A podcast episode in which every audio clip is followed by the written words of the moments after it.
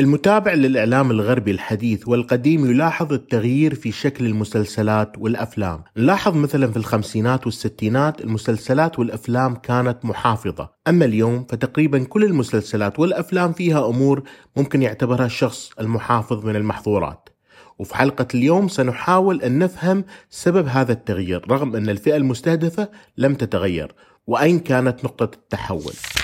الكثير منا مستاء من الإعلام الغربي وكيف أنه تحول من كونه إعلام يقدم محتوى مسلي وممتع لإعلام نرى بأنه يقدم محتوى بعيد كل البعد عن معاييرنا. ويحاول أن يجعل كثير من الأمور عادية لنا كمشاهد مثل التعري والكلمات الخادشة والمثلية. وهذا الأمر نراه كثير في مسلسلات وبرامج خدمات البث التلفزيوني عبر الإنترنت مثل نتفليكس. السؤال هنا ليتبادر لذهن أي متابع. ما هي نقطة التحول لشكل المحتوى الغربي وسبب هذا التغيير؟ في السبعينات ظهر كوميدي يحمل اسم جورج كارلين وقلب معايير ما هو مقبول ومرفوض في التلفزيون والإذاعة في أمريكا. وقبل ظهور جورج كارلين كان التلفزيون والإذاعة في أمريكا وبالتحديد في الخمسينات والستينات إعلام محافظ للغاية. فهناك رقابة صارمة على ما يعرض في هذه القنوات. ويرى الكثير في تلك الفترة بأن سبب هذه الرقابة هو أن القنوات والإذاعات هي بمتناول الأطفال. ومن السهل الوصول لها. لهذا كان هناك حاجة للتأكد من أن ما يصل لهؤلاء الأطفال شيء مقبول وبعيد عن الإسفاف. وظهر في الستينات كوميدي يحمل اسم ليني بروس وكان مناهض لفكرة الرقابة هذه. وقدم كثير من العروض الكوميدية أمام الجمهور وصرح بشكل علني بأنه ضد هذه الرقابة واللي تحجر على الكوميدي وتمنعه من الإبداع. وبين عامي 1961 و 1965 تم القبض عليه خمس مرات بتهمة الفعل الفاضح العام. وكان بطل قصتنا جورج كارلين في تلك الفترة كوميدي مشهور بين الجمهور بالشكل المحافظ واللي يظهر به في التلفزيون والشكل المقبول في تلك الفترة من الزمن والمناسب للعائلة. ولكن في عام 1962 قبض على كارلين مع ليني بروس والحقيقة أن كارلين لم يقبض عليه بسبب مشاركته لليني بروس في العرض ولكنه كان حاضر للعرض بدون بطاقة شخصية. ولكن هذا الحدث غير من حياة كارلين بل وغير من شكل التلفزيون للأبد. شكرا لدعمكم الدائم لورق. في ورق نقدم أربع حلقات أسبوعية متنوعة المواضيع. نتكلم في التاريخ من خلال حلقات تحمل اسم ورق في التاريخ والتقنية من خلال حلقات ورق تقني والقصص الغريبة في حلقات ورق غريب والمعلومات العامة في حلقاتنا اللي تحمل اسم ورق خاص. ادعم المحتوى الهادف من خلال الاشتراك وضغط زر الجرس ليصلك الجديد. نعود لحلقتنا ونتكلم عن كيف تغير محتوى التلفزيون.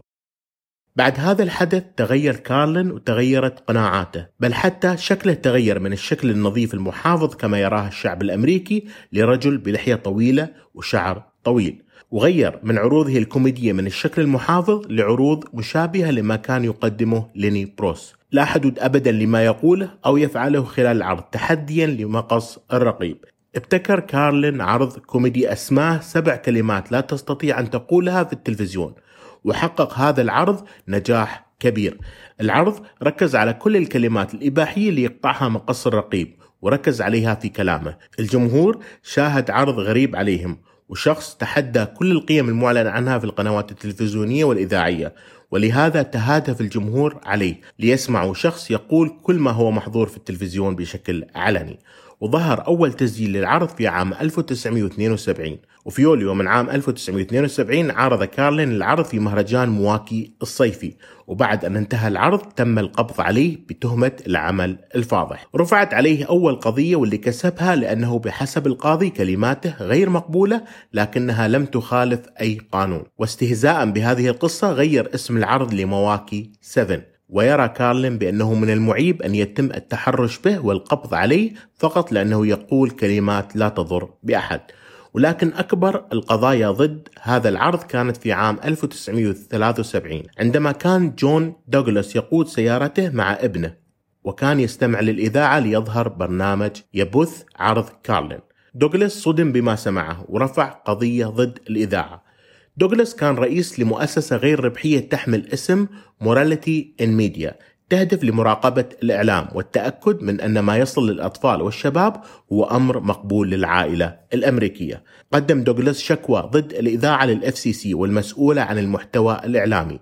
وفي شكواه طالب أن تخسر الإذاعة الرخصة وتغلق بسبب ما تقدمه. واستمرت القضية في التداول حتى عام 1975 حيث ربح دوغلاس القضية وحصلت الإذاعة على تحذير وطلب منها إيقاف بث البرنامج. وسبب قبول الشكوى هو أن وقت عرض البرنامج كان الساعة الثانية مساء وهو وقت سهل الوصول له من قبل أي طفل أو شاب ولهذا فالأمر كان مضر جدا.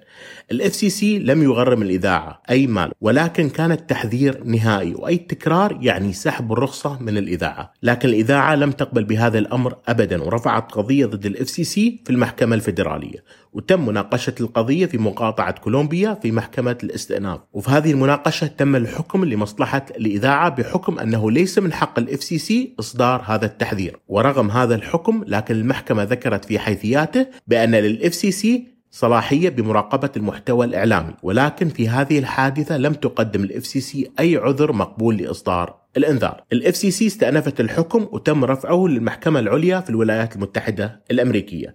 النقاش كان عن كيف تحدد إذا كان المحتوى فاحش أو مقبول. الإذاعة كانت ترى بأن ما حددته ال FCC كتعريف للفاحشة هو أمر واسع النطاق وهذا يؤثر بشكل مباشر على إبداع صناع المحتوى، والإذاعة قدمت في القضية مقتطفات من الكتاب المقدس الإنجيل كدليل على أن ما تعتبره ال FCC فاحش هو أصلا موجود في الإنجيل، ومنه هذا الأمر خاطئ، وفي عام 1978 بأغلبية خمس أصوات لأربعة قررت المحكمة العليا بأن ال FCC لديها الحق في تنظيم المحتوى الإعلامي ورأت بأن المحتوى التي قدمته الإذاعة هو ضمن هذا الحد ومنه من حق ال FCC التصرف.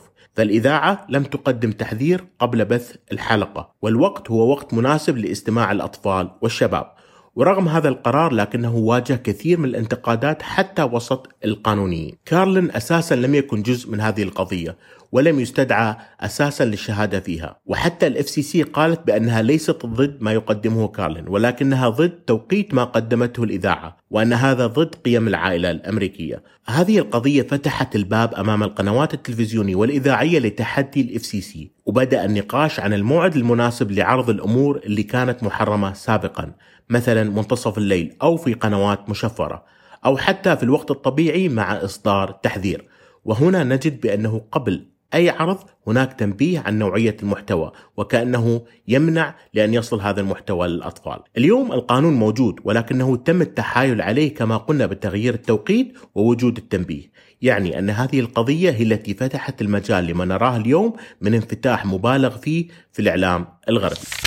ادعم خدمة ورق كاست من خلال الاشتراك والنشر ونلتقي في الحلقة المقبلة من ورق كاست وشكرا لكم.